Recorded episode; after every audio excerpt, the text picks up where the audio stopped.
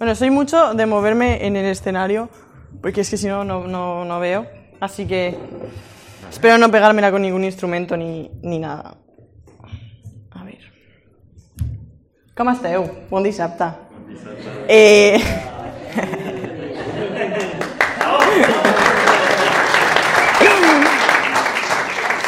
Lo siento, pero lo haré en castellano el... el...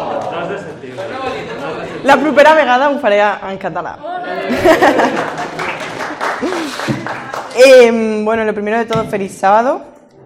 Eh, bueno, hola mamá, que está ahí escuchando. Y hola a mis segundos padres también, que son Marta y Jonathan, que han venido también. Estoy súper contenta porque hay mucha gente que no me esperaba que estuvieran. Están mis niñas. Estoy súper encantada de que estén aquí, y Esther y, y Abel y, y todos. Y estoy súper contenta. Y bueno, antes de empezar, eh, me gustaría orar pues, para que todo salga bien y, si Dios nos puede ayudar y nos puede iluminar a que pues, esto nos ayude, pues encantada. Así que oremos. Querido Señor, gracias por este día, por un sábado más que, nos has dado, que nos das la oportunidad de estar aquí, en familia, con amigos. Te pedimos que, que lo que salga de mi boca, Señor, que, que sea tuyo, que no sea mío y que pueda ayudar a aquellos que lo necesiten. En el nombre de Jesús, amén. Vale. Eh, pues vamos a empezar, supongo. ¿Qué estás haciendo? Me he basado en Marcos 9:23, que ya lo leeremos, no pasa nada. Y puedes pasar diapositiva. Situaciones, decisiones. ¿Alguno sabe cuántas decisiones podemos llegar a tomar en un día? Y diciendo números, ¿eh? Diez. Ojalá, ¿eh? Quiero, quiero estar en tu día. No, mm, un poquito más. 10 millones. Mm, no tanto. 50, 100. Siguiente diapositiva. 35.000. A ver, ¿quién no ha decidido qué ponerse esta mañana? Sí. Les d'Elisabet han sigut unes 150. Decisions. Esta sí decide tu mujer. Bueno, sin hombre también, ¿eh? Porque a veces mi hermano tarda más en vestirse que yo. ¿Quién decide por mí? Digo, ¿no? Ah, bueno, sí. También, bueno, ¿qué se le va a hacer? Un montón, un porrón de veces. Yo cuando lo leí dije, mm, bueno, me lo creo, ¿eh? Porque también soy una persona súper indecisa y si a lo largo del día puedes tener, o sea, puedes decidir tantas cosas, 35.000 decisiones, lo juntas con una persona que dice, bueno, me da igual, que, que soy yo. La verdad, me acuerdo que estaba el fin de semana pasado en Madrid y mi mejor amiga me dice, bueno, ¿dónde vamos a cenar? Y yo, me da igual. No conozco Madrid tanto como tú, sinceramente me da igual. Total, que al cabo de decirle como 10 veces me da igual a lo largo del fin de semana, me dice, tío, pero es que te da todo igual. Y le dije, no, no lo confundas, no es que me da igual porque no me gusta. Me da igual porque todo lo que sea me parece bien estando contigo. Claro, tú dile eso a tu madre que te pregunta o a tu padre, ¿qué hago de comer? Eso no cuela. ya al cabo de dos veces no cuela. Pero bueno, durante años el ser humano ha ido viviendo situaciones que le han obligado a tomar una decisión. Por ejemplo, eh, Abraham hizo un poco como yo, ¿no? Dijo, bueno, me da igual, le dijo a su sobrino, elige las tierras, te dejo el marrón a ti, elige tú, que a mí me da igual. Pero bueno, pasando de eso, es cierto que todas las personas se han equivocado en algún momento de, de su vida y hemos tomado buenas y malas decisiones. Pues pasar la diapositiva, por favor. Aquí veis todos, ¿no? Más o menos. Aquí eh, vamos a encontrar personas que a lo largo de su vida han tomado buenas y malas decisiones, pero que eh, hay algo de su vida en específico que lo identificamos como, uff, este ha tomado una mala decisión, ¿eh? aunque luego el resto hayan sido buenas. Entonces tenemos a, en las buenas decisiones, lo que yo he podido ver ha sido, por ejemplo, Daniel, Zaqueo, Esther, Job, Moisés, y en las no tan buenas, a Dan y Eva, obviamente, eh, Sansón, Jonás, los hermanos de José y Judas Iscariote. ¿Qué podemos identificar en las vidas de cada uno? Vamos a empezar por las buenas. Daniel, ¿qué decisión buena hizo? Tampoco es que tuviera una decisión así de decir tomo A o B, sino que fue ¿cómo? Exacto, fue fiel a Dios y se mantuvo y dijo, no, esto lo hago así porque Podéis hablar, ¿eh? No pasa nada. Esto lo hago así porque yo creo que es así y el Señor me va a acompañar. Zaqueo. Que no voy a hablar solo yo, ¿eh? Zaqueo, ¿qué, pensáis que hizo bien? Perder el ridículo. Sí, sí. Devolvió absolutamente todo lo que... Todo. Y también, Sí, sí. cómo pudo después su vida. Pero... Y siguió a Jesús, sí. También, también. Además, sí era bajito, ¿no? Decían que era bajito. Menos mal que no se cayó. Em, Esther, no, no la de Andorra, sino Esther, la, la reina Esther. Yo creo que, bueno, para mí ha sido uno de los personajes bíblicos que más ha confiado en Dios. Porque que te quiten de tu familia, luego que te digan, ah, no, es que vas a ser reina, no sé qué. No sé, yo veo que es una persona, bueno, que era una persona con plena confianza en Dios. Job, me encanta vuestras reflexiones, ¿eh? o sea, así es súper fácil dar el sermón. no, vale, ahora en serio. Eh, siguiente diapositiva. Esto es un ejercicio para vosotros. Quiero eh, que me digáis qué tienen en común tanto las historias de la gente que ha hecho malas decisiones como las historias de la gente que ha hecho buenas decisiones. Porque hay algo, por lo menos para mí, que yo he sacado en conclusión, que tienen en común y me gustaría saber vuestras opiniones y qué es lo que sacáis vosotros en conclusión. Sí, sí.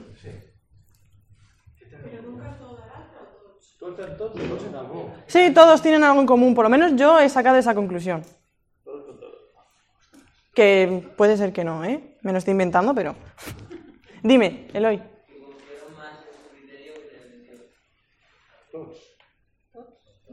En algún momento de sus vidas, sí. Vale, vale. Bueno, pues os digo mi conclusión. ya que estoy. Em, yo he llegado a la conclusión de que Da igual las decisiones que hayan tomado cada uno de ellos, tanto sean buenas como malas. He visto al final de cada historia de uno de ellos que siempre sale algo bueno.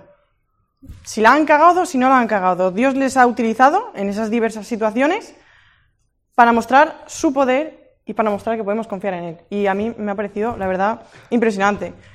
Venga, Moisés.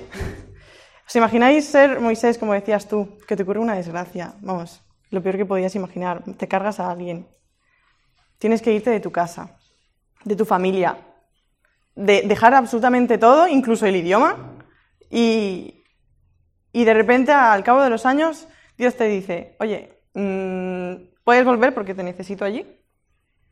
Y tú te quedas como, oye, que, que no, que no sé hablar, que se me da muy mal, que no sé qué, excusas, excusas, excusas. Y Dios le sigue insistiendo. Y que después de todo eso le diga, Oye, mm, cruza un mar con toda una gente. O quédate 40 años en un desierto, vagando por ahí sin saber a dónde ir. con esa gente. Con esa gente, claro, aguantando a toda la gente, recogiendo campañas, mm, que si levantándose un día y, decir, bueno, pues Dios proveerá y cae maná del cielo, y que después de todo ese tiempo, por fin llegará a la tierra prometida. Pero, pero Dios le dice, tú no vas a entrar, para ti tengo otros planes. Yo personalmente me quedaría como, jolines, tío, ¿sabes? Me podrías haber dicho, no me hubiera mm, todos los 40 años haber elegido a otro, no sé. Pero es que realmente no sabemos qué hay al final de los planes de Dios. Adán y Eva tomaron una decisión que no fue para nada aceptada, si no, no estaríamos aquí, la verdad, estaríamos a lo mejor, no sé, yo abrazando a un tigre seguramente, si pudiera. Pero, pero aún así Dios les dijo que no pasa nada, que tengo un plan B y un plan C. Y F, hasta la Z, tengo todos. Y a veces nos olvidamos que nuestra salvación siempre ha sido un plan para Dios. En la siguiente diapositiva, vale, quiero que penséis en una situación que te esté preocupando. Yo lo siento mucho, no te voy a dar la solución, eh, pero vamos a intentar tomar un camino de decisiones. Porque cuando te viene una situación, tienes que tomar un montón de decisiones. A lo mejor solo es una, pero a lo mejor son 35.000. Y pues nada, he hecho un- una especie de mapa de cómo veo yo cualquier situación. Siguiente. Este es el mapa de cómo veo yo una situación y de cómo me voy moviendo para tomar decisiones. Entonces, empezamos por Jeremías 29:11. Porque yo sé muy bien los planes que tengo para vosotros, afirma el Señor. Planes de bienestar y no de calamidad, a fin de daros un futuro y una esperanza. Muchas gracias. Pues cuando, por lo menos a mí, os voy a hablar de mi experiencia. ¿eh? Yo no sé qué es lo que hacéis cuando estáis en una situación buena o mala o complicada, lo que sea. Entonces os voy a hablar desde mi punto de vista. Yo cuando se me pone delante una situación que no sé qué hacer, lo primero que hago es decirle, a ver, Señor, como dice Jeremías 29, no sé qué planes tienes para mí, pero sé que son buenos, así que yo tiro para adelante si tú vas a estar conmigo. Si, si no, no tiro para adelante. Vamos avanzando y llegamos a Proverbios 3, del 5 al 6. Confía en el Señor de todo corazón y no en tu propia inteligencia. Reconócelo en todos tus caminos y Él allanará tus caminos. Vale, gracias. Em, este versículo me recuerda a que cuando estás empezando, estás atravesando la situación desde el principio, dices, vale, confío en el Señor, todo va a ir bien, no sé qué. No tomes las decisiones por tu cuenta porque, porque no van a ser buenas.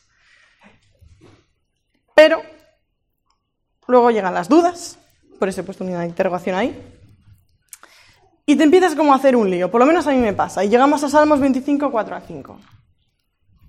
Muéstrame en Jehová tus caminos, enséñame tus sendas, encamíname en tu verdad y enséñame, porque tú eres el Dios de mi salvación, en ti he esperado todo el día.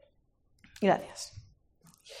Llega un momento de dudas y casi a mitad del camino yo a mí misma me digo, "Mm, me estoy haciendo un lío, mm, no sé lo que estoy haciendo, mm, me estoy dando vueltas, siento que estoy estancada, no estoy avanzando, no sé qué está pasando. Entonces le digo, Señor, hazme conocer tus caminos, muéstrame tus sendas porque estoy perdida. Te lo reconozco, he empezado contigo, pero estoy perdida. Y luego, después de atravesar montañas y muchas dificultades, llega a Proverbios 14:12.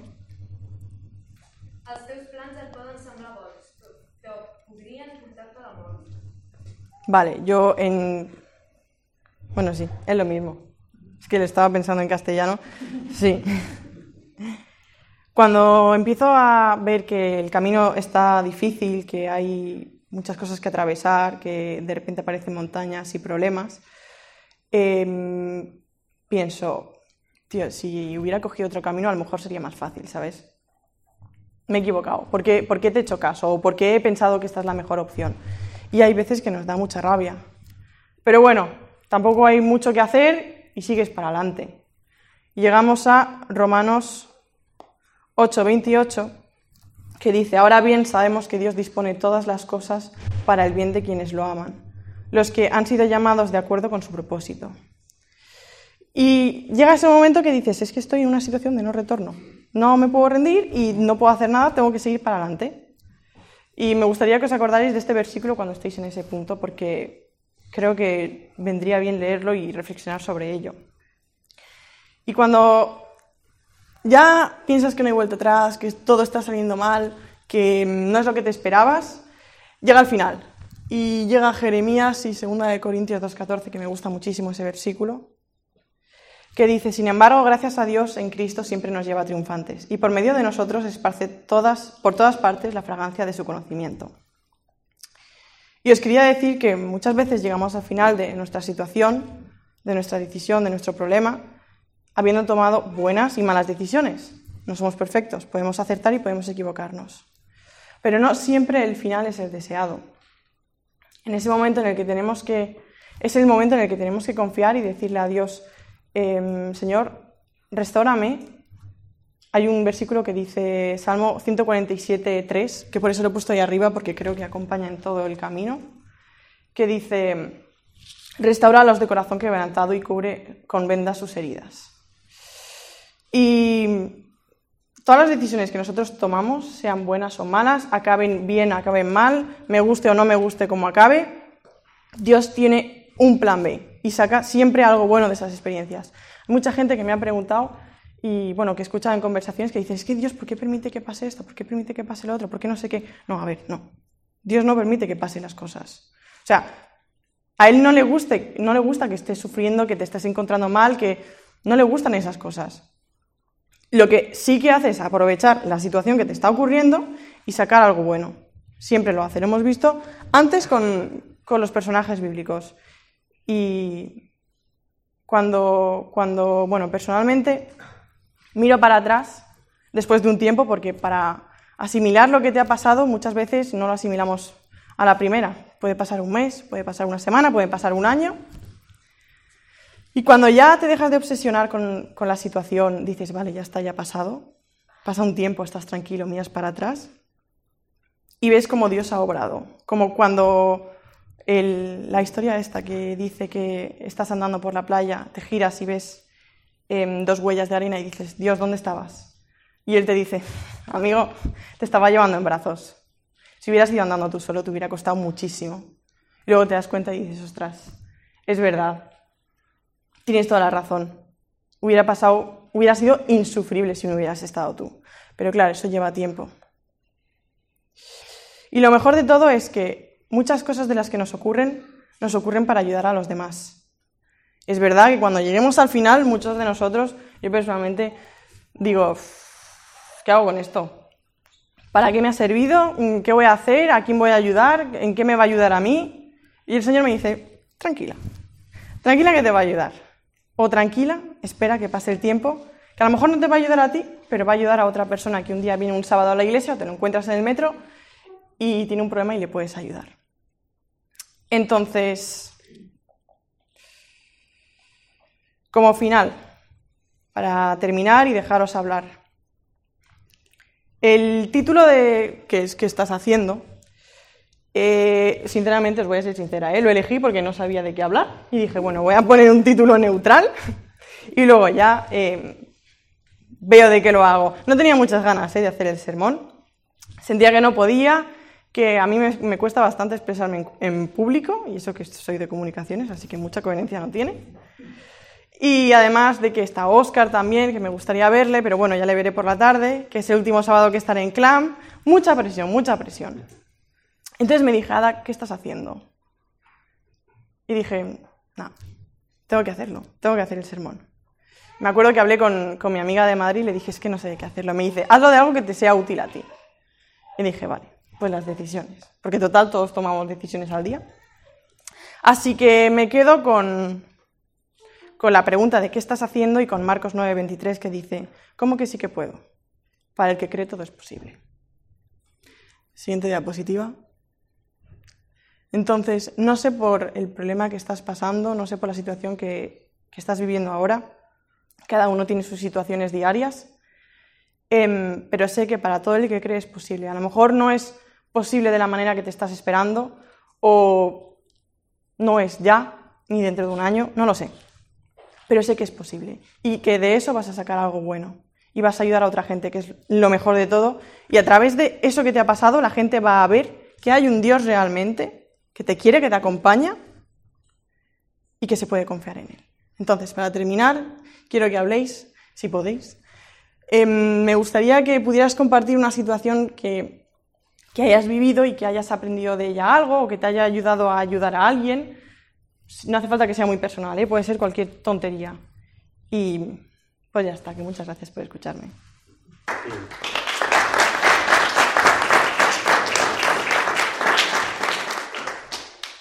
Podéis hablar, ¿eh?